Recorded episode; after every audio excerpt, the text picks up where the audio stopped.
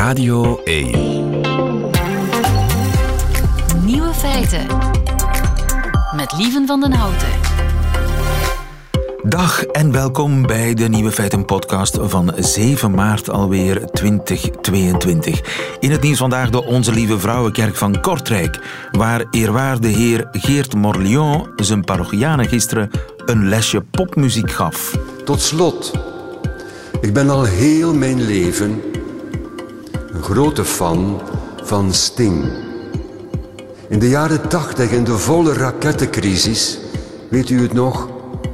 Beter een raket in mijn tuin dan een Rus in de keuken, weet u het nog? In die tijd heeft hij een lied gecomponeerd dat mij bijzonder diep heeft geïnspireerd tot vandaag. The Russians, they love their children too. Amen. Sting in de preekstoel. De andere nieuwe feiten. De humanitaire corridors die Rusland in Oekraïne wil toestaan om mensen te evacueren. Die corridors die leiden naar Rusland. Veel antivaxers steunen Poetin. En de Oekraïense boeren zullen dit jaar wellicht niet kunnen oogsten.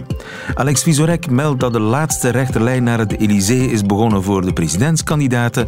En de nieuwe feiten van Johan Terrein, die hoort u in zijn middagjournaal. Veel plezier.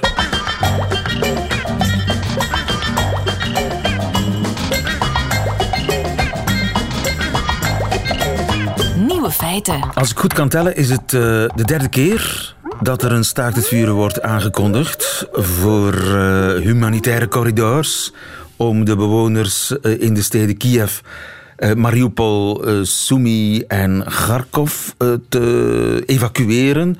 De, de, eerste keer denk ik Kiev. De, de- Mariupol is al de derde keer geloof ik. Hè? Ja.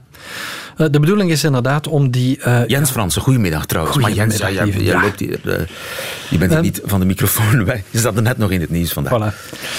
Ja, de bedoeling is om die ehm, burgers te gaan evacueren, maar aan de andere kant ook bijvoorbeeld humanitaire goederen. Ik zeg maar iets, hè, water, voedsel, hy- hygiënekits, wellicht ook een stukje kerosine voor ziekenhuizen, dat soort dingen, om die ook de stad in te brengen. Alleen is het op dit ogenblik heel erg onduidelijk of die humanitaire corridors nu open zijn, ja of nee. We weten bijvoorbeeld bij de stad Sumy dat er, gevocht, dat er eh, nog gevochten zou worden. Aan de andere kant, bij Kiev is er vanmorgen vroeg nog gebombardeerd, maar bij zonsopgang is het daar relatief rustig geworden. Alleen is de vraag, zelfs al zouden die zes corridors open zijn, hoe lang gaan die open blijven? Want bijvoorbeeld bij die zuidelijke stad Mariupol eh, spreekt het Rode Kruis over 300.000 mensen die daar moeten geëvacueerd worden. Stel je voor, die doen dat met de auto, te voet of met, zelfs met bussen of met Dat is de treinen. voltallige bevolking van Gent, hè? Zelfs nog iets meer, Ja, denk ik. maar daar heb je uren voor nodig. Dat is niet iets wat je doet, bij wijze van spreken, op drie, vier uur tijd of op een middagje. Ja. Plus het zou ook de bedoeling dan zijn om die ziekenhuizen aan te vullen. Want ja, de, daar zijn de, de medicijnkasten stilaan leeg. En eh, ook de schappen in de, in de warenhuizen zijn leeg. Absoluut. De, de- er is ook een deel van de bevolking dat duidelijk heeft beslist om niet te vertrekken. Hè. Eh, Je merkt dat in de verschillende reportages die worden uitgezonden bij ons, maar ook op andere eh, omroepen. Oudere mensen, 70-plussers, die, die weten ook niet goed waarheen. Hè. Die hebben hun ja, oude bomen verplant, maar niet zo makkelijk. En een aantal van die oude mensen die zeggen, laat mij maar rustig thuis zitten met, met, met de hond of de kat en we zullen wel zien wat het zal geven. Ja, ik hoop dat die ijskast eh, goed vol zit dan. Wel, in die zin, eh, en, en dan zie je ook wel het werk bijvoorbeeld van internationale organisaties als het eh, eh, Internationale Rode Kruis. Zij proberen voedsel te bedelen aan dat soort oudere mensen die eigenlijk heel erg kwetsbaar zijn. Ja. Nu, je zei ook iets bij Lode in het nieuws, dat die corridors die gaan richting Wit-Rusland en Rusland. Ja, dat is eigenlijk heel erg cynisch. Hè? Het is ehm, Rusland die eenzijdig heeft besloten, kijken, wij leggen humanitaire corridors in. Met andere woorden, burgers, wie wil, jullie kunnen relatief veilig de stad ehm, eh, gaan ontsnappen. Maar het is natuurlijk niet de eerste keer dat we dat gezien hebben. Hè. Een aantal jaren geleden was ik zelf in, het, eh, in Syrië, in het oosten van Aleppo, waar Rusland ook betrokken was in de oorlog dan. Hè. Die steunde daar het eh, regime van president Assad. En daar zag je eigenlijk een beetje dezelfde tactiek. Hè? Dus een belegerde stad of een deel van een stad wordt op een bepaald moment een corridor ingelegd. Dan wordt aan de burgers de mogelijkheid eh, gegeven om die stad te verlaten. En dan drie dagen later uh, kondigt, het, uh, kondigde Rusland in Aleppo af. Kijk, wie de stad niet verlaten heeft, moet blijkbaar een strijder zijn. Dus vanaf nu gaan wij heel zwaar beginnen bombarderen. Dat was de redenering in Syrië? Dat was de redenering en dat is toegepast. Ik ben ook weken na die ja, herovering door eh, de Russen en het Syrische eh, regime door Oost-Aleppo. Ik heb daar een bezoek eh, kunnen aanbrengen. En dan zag je dat straten onherkenbaar waren, dat geen enkel huis gespaard was. Ik heb het toen op een bepaald moment omschreven. Het leek een beetje alsof. Ik was ooit in Pakistan bij een gigantische aardbeving. Het leek alsof er gewoonweg een gigantische aardbeving had plaatsgevonden in het oosten van Aleppo, want het westen van Aleppo stond nog grotendeels recht. Maar dus het, het bejaarde vrouwtje dat zegt: Ik wil gewoon blijven, dat zal dus door Poetins leger worden beschouwd als een soldaat. Dat zou kunnen. Ik zeg niet dat het zo moet gebeuren, maar dat maar het is wel de redenering die zij toegepast hebben in Syrië. die door Rusland eerder is toegepast. En uh, we merken dat Rusland ook hoe langer hoe meer begint in te zetten op zware bombardementen. Dat zie je ook. Aanvankelijk werd louter gebombardeerd met precisiewapens. Als je nu kijkt naar foto's en beelden die worden genomen van die Russische gevechtsvliegtuigen, merk je dat daaronder geen precisiewapens meer hangen, maar dat daar gewoon zwaardere unguided hangt eigenlijk ja, een beetje hè, Tweede Wereldoorlog. Hè, die dingen worden afgegooid en, en die, die gaan dan op woonwijken terechtkomen of misschien op de militaire basis daarnaast. Maar eigenlijk staan we dan heel ver van die precisiewapens. Zijn die op? Wellicht zijn die op. Je ziet Echt? wel nog. Wellicht zijn die op. Zeg ik niet. Heeft een goede bron uh, mij verteld vanmorgen die bij de NAVO werkt hier in Brussel. En een van, van de, de, de mogelijkheden waar men bij de NAVO mee rekening houdt, is dat de troepen die nu betrokken zijn, de Russische troepen die nu betrokken zijn bij de oorlog in Oekraïne, dat die tijdelijk eh, een stukje zonder die raketten zitten en dat men gewoon gebruik begint te maken van die veel goedkopere bommen die gewoon unguided zijn, die gewoon worden losgegooid.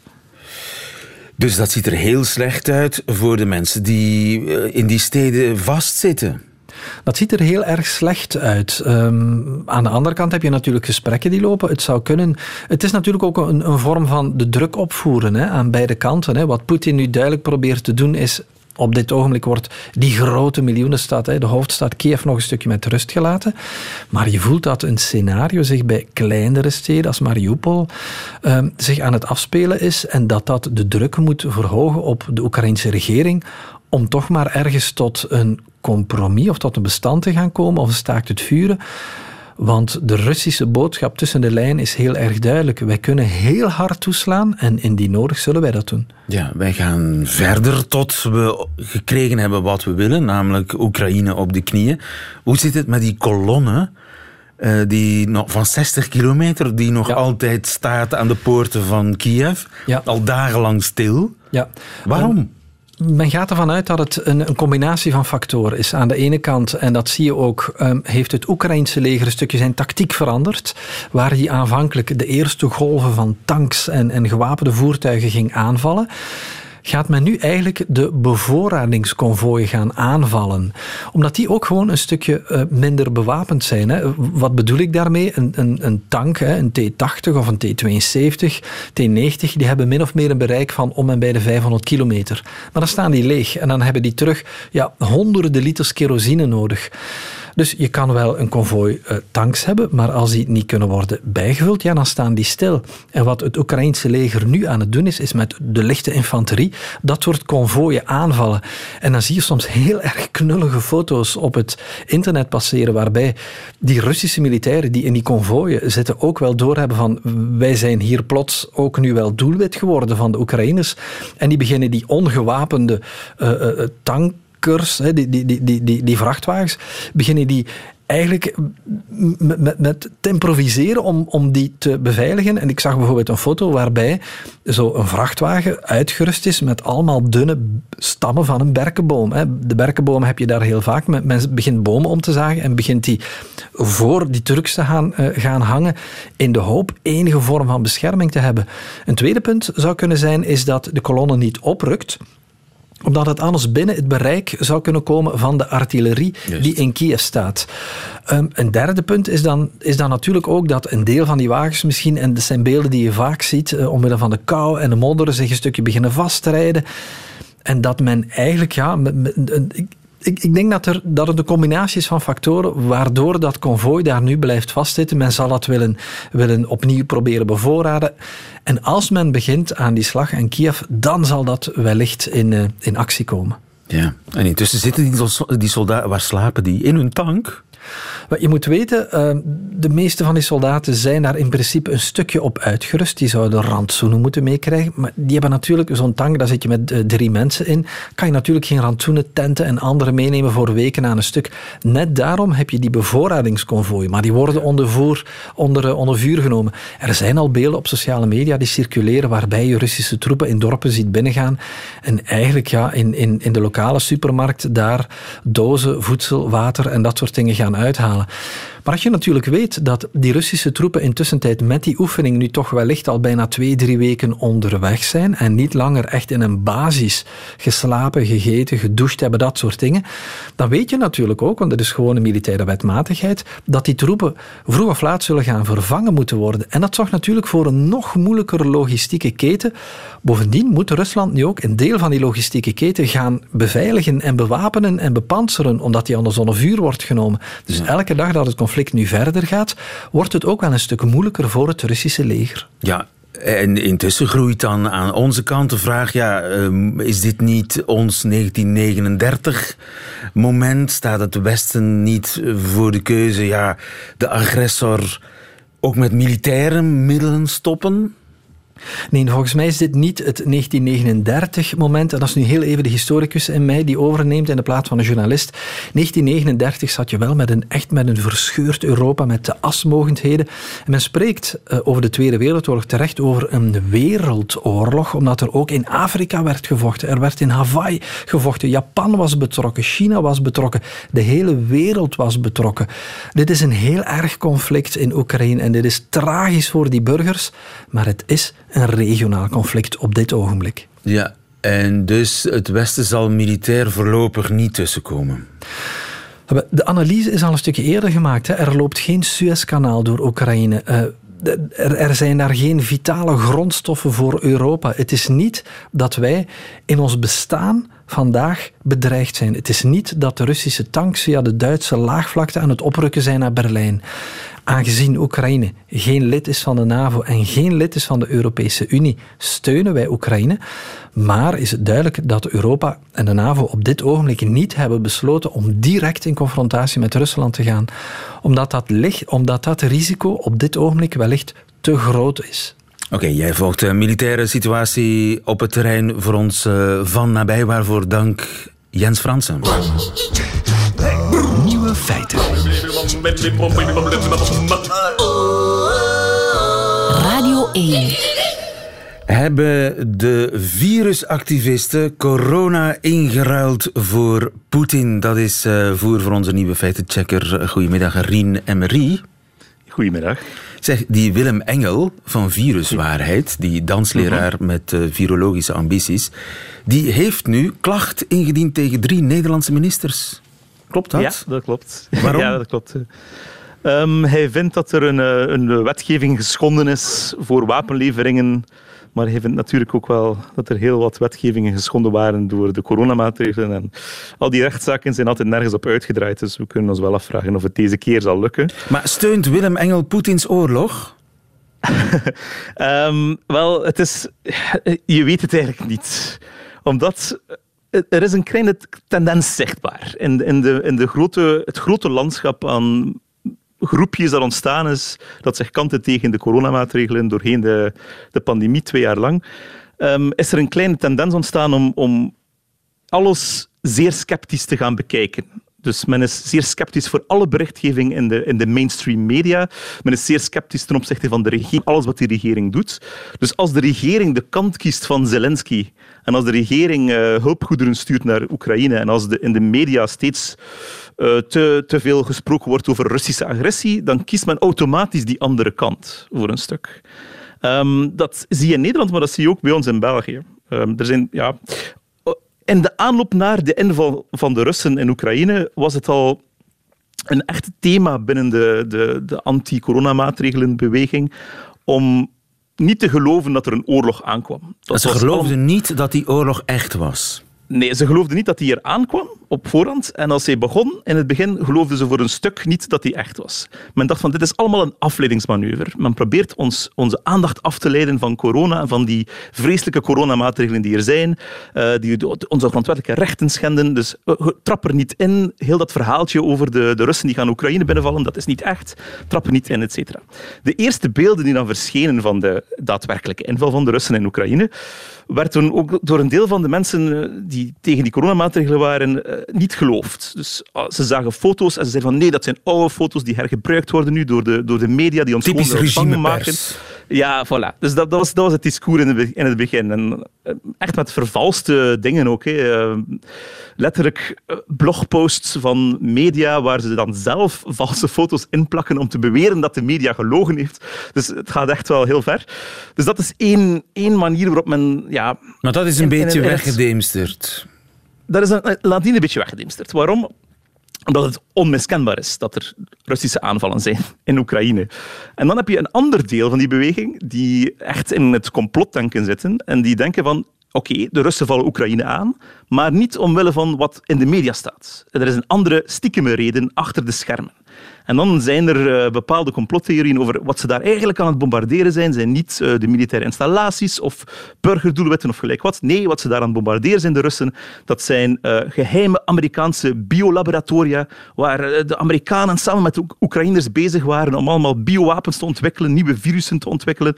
En die is Poetin aan het bombarderen. Dankjewel, Vladimir Poetin. Dat is één van de complottheorieën die er is. Andere is dat er in Oekraïne een enorm netwerk is van kindermishandelaars en kinderhandelaars die die, uh, die ook nu gestopt worden door die Russische inval. Dat, dat zijn twee andere complottheorieën die, die circuleren daarover. Maar, maar, ja. maar, zeer opvallend, er is ook een deel van de, van de anti-coronamaatregelenbeweging die gegroeid is, die nu een klein beetje uh, schrikt van, van die rare theorieën. Net te vragen, ja, want dat geldt toch niet voor alle antivaxers dat nee, nee, die nu plotseling uh, achter Poetin gaan staan? Nee, en dat is het, dat is het opvallende hieraan. Nu, die, die, die, die beweging was altijd zeer divers en kwam uit verschillende hoeken, uh, van eh, ultralibertair naar uiterst rechts, naar heel, heel linkser en tegen de farma-industrie, et cetera. Dus die kwamen sowieso van overal. En nu is er ook dus een nieuwe versplintering aan de gang. Sommige van de mensen, sommige van de voormannen van die beweging, onder andere uh, Michael Verstraeten van, uh, van Viruswaanzin, zijn vrouw is Oekraïense. Dus hij kan helemaal niet lachen met al die mensen die beweren van het is allemaal fake of er is daar niks aan de hand of Rusland is eigenlijk goed bezig. Het gaat zelfs zo ver dat eh, het, het forum op de website van Viruswaanzin in België is afgesloten omdat hij zei van ik wil hier al die Poetin-lovers uh, niet laten uh, hun, hun theorieën verspreiden. Dus het is, het is zeer divers, maar het komt dus voornamelijk als men pro-Poetin lijkt of als men pro-Poetin standpunten inneemt, is het echt vanuit een soort anti-establishment, totaal wantrouwen in de media en automatisch de andere kant kiezen. Er is een, narratief dat men niet gelooft. En het, het, narratief gaan ze dan op zoek naar wat het tegengewicht daarvoor kan zijn. En dan kom je automatisch terecht bij natuurlijk alle Russische desinformatie die al lang verspreid wordt over het conflict. En daar zit geen Russisch trollenleger achter. Wel, het is, zo, het is heel opvallend, want uh, dit weekend zijn vanuit het Russische ministerie van Buitenlandse Zaken theorieën die circuleerden in die kringen over die biolaboratoria bevestigd en Aha. vermeld als een van de redenen waarom men inderdaad Oekraïne zou zijn binnengevallen. Wat natuurlijk niet klopt, maar het is wel grappig dat men daarop inspeelt vanuit, uh, vanuit Rusland. Op die theorie. Dat, dat is een versterkende, versterkende dynamiek die daartussen zit. Ja, het is een wonderbaarlijke wereld die jij uh, volgt. De wereld van de complotdenkers en de antivaxers die nu ja, uh, een steun uitspreken, althans een deel, voor uh, Poetins oorlog. Dankjewel, Rien. Tot de volgende. Tot de volgende. Nieuwe feiten. Coucou de France. Met Alex Visorek. Ja, hoe zou het nog zijn met uh, onze landgenoten en mijn collega bij de Franse radio Alex Visorek? En bij uitbreiding, hoe zou het nog zijn met Frankrijk? Goedemiddag, Alex. Goedemiddag, lieven. Les choses sérieuses commence. Eindelijk. Vandaag, ja, eindelijk zullen we de officiële lijst van de kandidaten voor l'élection présidentielle kennen. Vrijdag om 18 uur was de deadline om zich kandidaat te verklaren en daarom heeft Emmanuel Macron op vrijdagochtend uiteindelijk laten weten dat hij ervoor gaat op het nippertje. Dus, quelle surprise. Ja. Nu weten wij bijna welke kandidaten op het stemlijstje, eh, stembiljet, eh, zullen verschijnen. En ook welke niet, want er zijn afvallers. Sommige kandidaten mogen niet verder meedoen. En dat is de schuld van les parrainages. Eh, de regel van de 500 handtekeningen. Juist, ja. Ja, ja, ja. Het is vrij simpel. Eh beeld je in dat je president van Frankrijk zou willen worden, lieven. Eh, technisch gezien eh, kan het zodra je de Franse nationaliteit zou krijgen. Maar om een bevestigde kandidaat te worden, moet je wel een dossier bij de grondwettelijke raad indienen voor een bepaalde deadline. En dat was dus vorige vrijdag. En dit dossier moet 500 handtekeningen van Franse verkozen bevatten, burgemeesters, kamerleden, senatoren, die allemaal tekenen om je kandidatuur te steunen. Dat noemen we les parrainages. Een verkozene mag maar één kandidaat steunen en je moet wel die 500 steunen gaan halen uit 30 verschillende departementen, zodat je kan tonen dat je in heel Frankrijk gesteund En wordt. waarom is die regel ingevoerd? Ah, wel, je moet eh, gewoon kijken hoe het ging voordat deze regel bestond.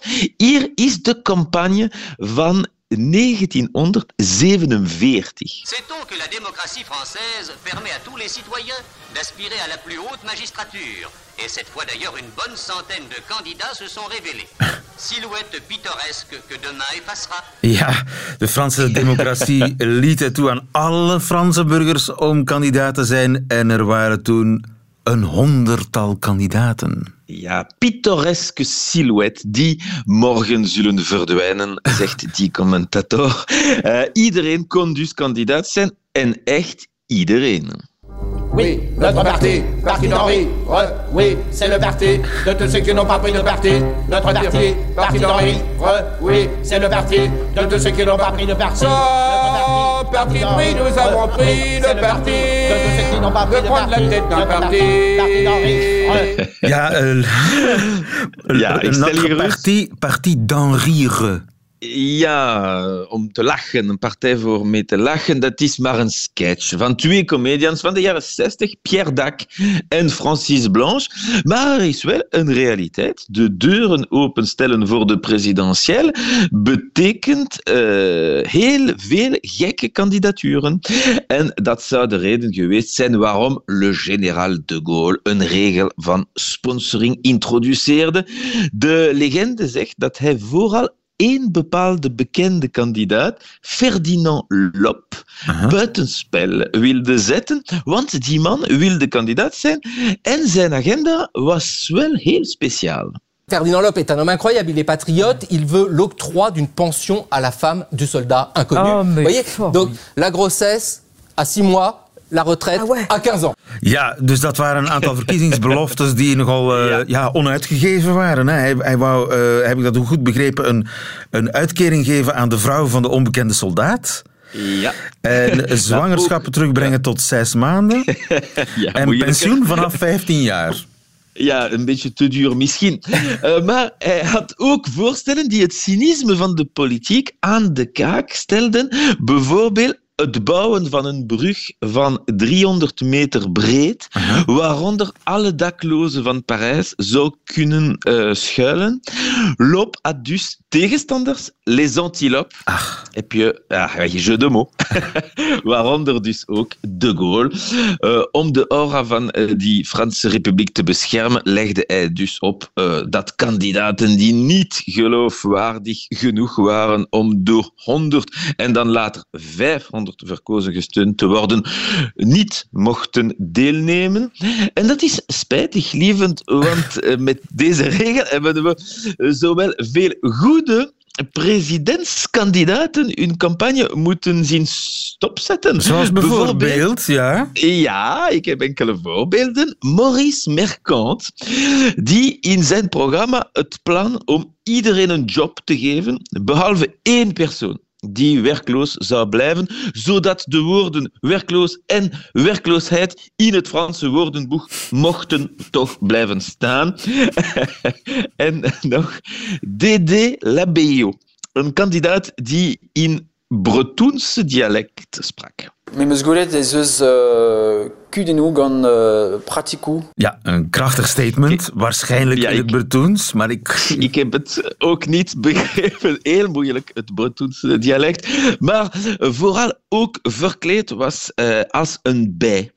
Om bijen te redden. Dat was waarom niet een goed idee. Eh, Of nog Agigi Mouna. Een activiste die de look van Kabouterplop had. En misschien ook de ideeën. Juché sur son vélo, il dénonçait le prêt-à-penser et avait sous son chapeau plus d'une idée pour la France. Alors moi, ce que je veux, c'est chasser les mythes. Les mythes et nous, bon ben vous là. Ja, hij, hij reed, reed dus rond op een fiets. Hij, Ja. ehm, en, en hij wilde motten wegjagen. Ja, eh, Franse politiek is heel serieus. Je moet niet te veel lachen, dat is niet goed. En wat als stripteaseuse Cindy Lee het Élysée had bereikt. Ze was eh, voorzitter van Le Parti du Plaisir. En voor de topless-campagne om te tonen hoe serieus ze transparantie nam. De Franse Cicciolina ze heeft nooit 500 aantekeningen kunnen verzamelen, maar probeerde toch vier keer president te worden. En er is ook natuurlijk het heel bekende voorbeeld van Coluche. Alors, comme on a voté pendant 30 ans pour des gens compétents et intelligents, je propose aujourd'hui qu'on vote pour un imbécile qui n'y connaît rien, c'est-à-dire moi. Stem voor een debiel.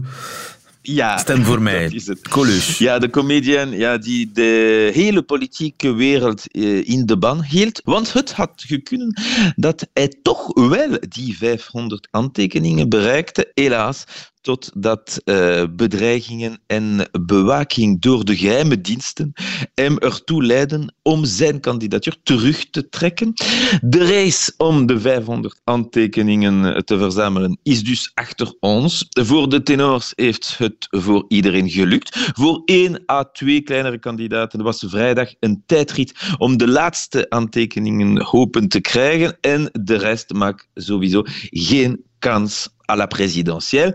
Er waren 46 kandidaten eh, donderdag. Alleen maar 12 zouden goedgekeurd zijn. Ze kunnen nu alle 12 al hun krachten bijzetten in de laatste rechte lijn, want binnen één dikke maand stemmen de Fransen. Er komen de volgende weken nog spannende tv-debatten en ook al gaan ze door zonder gekke kandidaten. Het zal toch wel af en toe vrolijk zijn. Laten we hopen. Ja, en ik hoop het met jou. En Ja. we horen daar Ja, zeker, zeker. over in de komende weken, spannende weken. Dankjewel, Alex Visorek in eh, Frankrijk voor ons. Goedemiddag. Ja, tjus. Feiten. Veel boeren in Oekraïne zullen door Poetins oorlog deze zomer wellicht niet kunnen oogsten. En wat daarvan de gevolgen zijn voor ons dagelijks brood, dat vraag ik aan Kees Huizinga. Goedemiddag, Kees. Ja, goedemiddag. Kees, jij bent landbouwer in Oekraïne. Hoe lang al? Al bijna Oei. 20 jaar was het antwoord. begonnen, 20 jaar geleden. Inderdaad. En inmiddels eh, hebben we 15.000 hectare. 15.000 hectare, dat is, eh, dat is Ja. gigantisch. Dat is enorm groot. En eh, we hebben er ook nog 2000 koeien bij. Dus ja, het is enorm groot. En dat hebben we, hebben we hebben met plezier opgebouwd. En ja, dat wordt nou echt letterlijk gewoon kapot gemaakt, kapot gebombardeerd.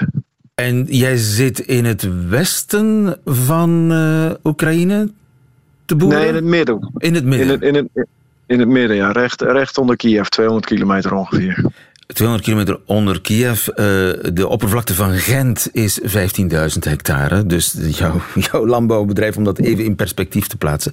Eh, er moet gezaaid worden, gemest worden, straks geoogst worden. Kun jij nog je werk doen? Nou, bij ons hebben we nog een week of twee, drie de tijd voordat we het land op moeten. Uh, kunstmest strooien zijn we wel aan het doen. Dat hadden we gelukkig, gelukkig ook op voorraad.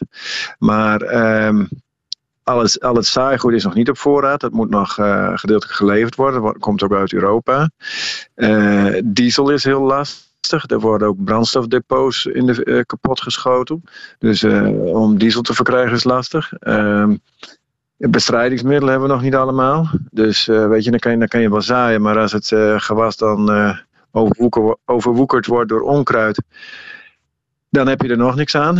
Onderdelen hebben we nog niet allemaal voor de zaaimachines. Die, die, die zijn onderweg vanuit Amerika en Europa.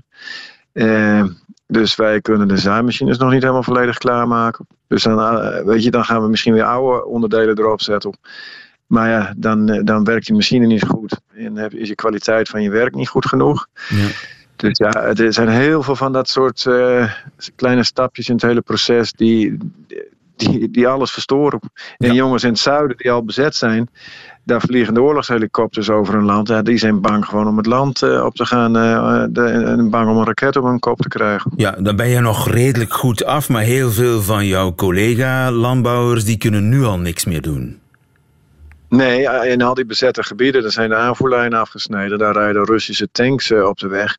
En die collega bijvoorbeeld in het zuiden zijn zijn, zijn agronoom, de jongen die voor de, voor de plantjes verantwoordelijk is, die woont aan de ene kant van de weg. Op de weg staan Russische tanks en het bedrijf zit aan de andere kant van de weg en die kan niet bij het bedrijf komen. Als hij er naartoe loopt, wordt hij teruggejaagd en als hij doorloopt, krijgt hij een kogel door zijn kop. Dus en die zit daar in een kapotgeschoten huis in een schuilkelder en die kan gewoon niet naar zijn werk. Niet naar zijn dus, werk op het landbouwbedrijf. Um, wij beseffen in uh, België en Nederland bij ons uh, niet goed wat dat eventueel kan betekenen. Hè? Geen oogst in Oekraïne. Hmm, daar, daar ben ik bang voor, ja. Ik, ik heb het idee, uh, als je met mensen praat, dat, dat, dat het besef nog niet is doorgedrongen. Uh, weet je, want er komt. Oekraïne heeft van zijn totale productie ongeveer 25, 30 procent zelf nodig. En de rest gaat naar de wereldmarkt. En dat is iets van 60, 60 eh, miljoen ton. Oekraïne staat in heel veel top 3, top 5 lijstjes wat betreft export. Van tarwe, maïs, gerst. Oekraïne exporteert zelfs 50% van alle zonnebloemolie in de hele wereld. En gaat heel veel gaat naar Noord-Afrika en het Midden-Oosten. Ja, en die tarweprijs bijvoorbeeld al door het dak gegaan. Dus, die is al met 30% gestegen ten opzichte van 10 dagen geleden. En uh, de, de, Rabobank heeft een rapport uitgebracht die zegt: dit is geen crisis, geen megacrisis, maar een metacrisis. En die zegt in dat rapport dat de tarweprijs wel kan verdubbelen. Ja, dat heeft op zulke op soort landen in Noord-Afrika en Midden-Oosten enorme, enorme invloeden. Ja, dus wij, wij denken altijd aan, aan gas en aan olie. Maar er is ook graan en maïs en, en zonnebloemolie. Ook dat wordt heel schaars en dus ook heel duur. Ja, ja en daar, weet je, het belangrijkste wat je nodig hebt is water. En daarna eten. En, uh, en daarna een beetje warmte. Dus weet je, en, uh, als je het eten niet hebt, heb je die warmte ook niet meer nodig. Ja, dat is wel kras gezegd. Je kunt inderdaad nog een trui aantrekken als, als je koud hebt. Maar als je honger hebt, dan, uh, dan kun je niks dan meer. Eet je die, dan, dan eet je die trui niet op. Zo zit dat. Uh, jij bent op dit ogenblik niet op je boerderij. Nee, klopt. Ik ben uh, zaterdag in Nederland aangekomen. Om, wij zijn met, met 1100 een landbouworganisatie in Oekraïne. Meest Oekraïnse boeren, maar ook een aantal buitenlandse boeren. En ehm, ja, die zeggen als het internet uitvalt en dan eh, heb jij niks meer aan je netwerk uh, met je contacten bij de media en bij politici. En, uh, dus ga alsjeblieft naar Nederland en zorg dat je contact blijft houden met de media en zorg dat je deze boodschap overbrengt.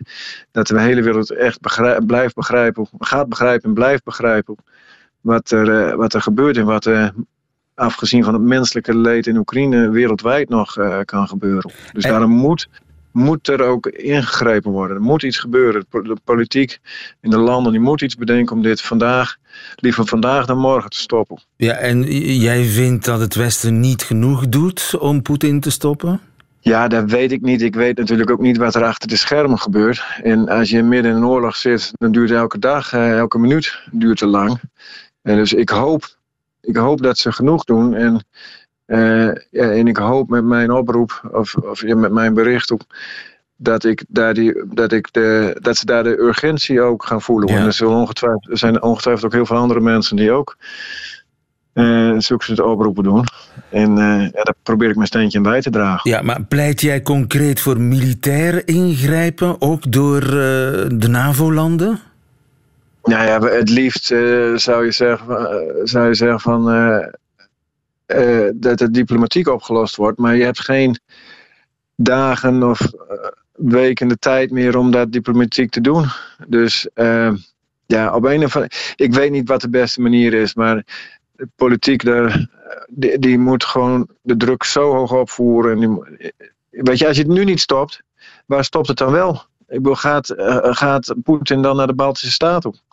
Weet je, dus dan moet je die beslissing alsnog nemen. En daarop hopen, daarop hopen dat hij dat niet doet. Eh, nou, dat, dat denk ik dat dat ijdele hoop is. Ja. Eh, je hebt 15.000 hectare. Is er dit jaar een oogst? Eh, ik hoop het. Ik het hoop kan het. nog. Het kan nog, als het nu opgelost wordt, dan, dan kunnen wij als Oekraïnse boeren nog heel veel compenseren. Dan kunnen we nog echt met heel, met heel veel hard werken kunnen we nog eh, een beetje inhalen. Maar als het nog een, eh, of het nog een week of twee gaat, beuren, gaat duren, dan, eh, dan wordt het een ramp. Kees Huizinga, mag ik je veel sterkte wensen en dank je voor dit gesprek. Goedemiddag verder. Ja, dank, dank u wel. En dat waren ze, de nieuwe feiten van 7 maart 2022. Alleen nog die van Johan Terrein nu in zijn middagjournaal. Nieuwe feiten. Middagjournaal.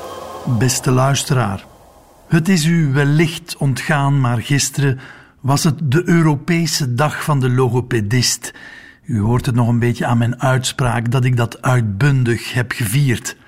Charles Michel, de voorzitter van de Europese Raad, hoefde die dag speciaal voor deze gelegenheid geen Engels te spreken.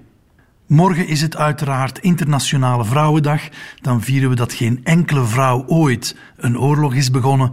Maar vandaag staat er niks op het programma. Tenminste, toch niet voor zover ik kon terugvinden. In Nederland wel. Daar houden ze vandaag de Dag van de Erectie. Mooi initiatief, alleen moeilijk de hele dag vol te houden. We zouden het net zo goed op een kwartier kunnen vieren. Ik verzin dit niet, soms schrijft een middagjournaal zichzelf. Maar 7 maart staat dus nog leeg en omdat ik vind dat zeker in deze tijden elke dag een beetje zin mag worden gegeven, wou ik graag een voorstel doen. Daarvoor moest ik natuurlijk eerst uitgebreid bekijken welke dagen er allemaal al bestaan. Gelukkig heb je het betrouwbare wereldwijde web voor zo'n dingen. Eerst en vooral kan ik u geruststellen. Aardbeiendag en slagroomdag vallen dit jaar op dezelfde dag. Dat komt goed uit. Anderzijds is het wel zo dat de internationale dag van de stem dit jaar op stille zaterdag valt. Dat is een tegenvaller. Verder vind je zowat alles. Een internationale dag voor rare loopjes, de dag van de betaalde liefde, er is een flipflopdag en een dag van je ex, maar die mag je gerust negeren. Er is de tegenovergestelde dag, die zouden ze eigenlijk beter s'nachts kunnen laten doorgaan. Een internationale dag van het potlood, die kunnen we eventueel nog uitgommen als we nog eens een dag tekort komen. En er is zelfs een modderdag. En dat is een andere dag dan moederdag.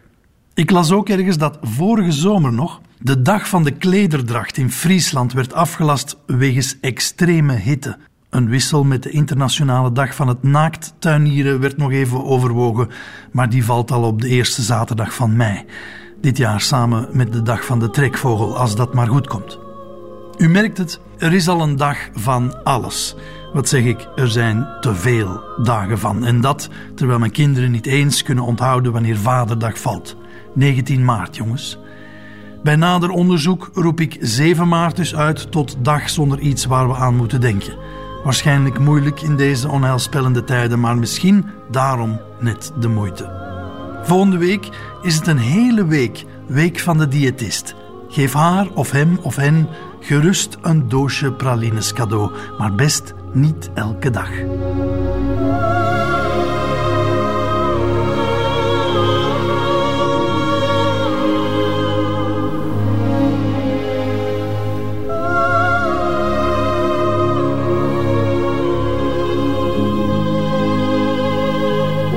Terrein 1, het middagjournaal. Einde van deze podcast. Hoort u liever de volledige nieuwe feiten met de muziek erbij? Dat kan natuurlijk on demand via onze website of via de Radio 1 app of gewoon live elke werkdag tussen 12 en 1. Tot een volgende keer.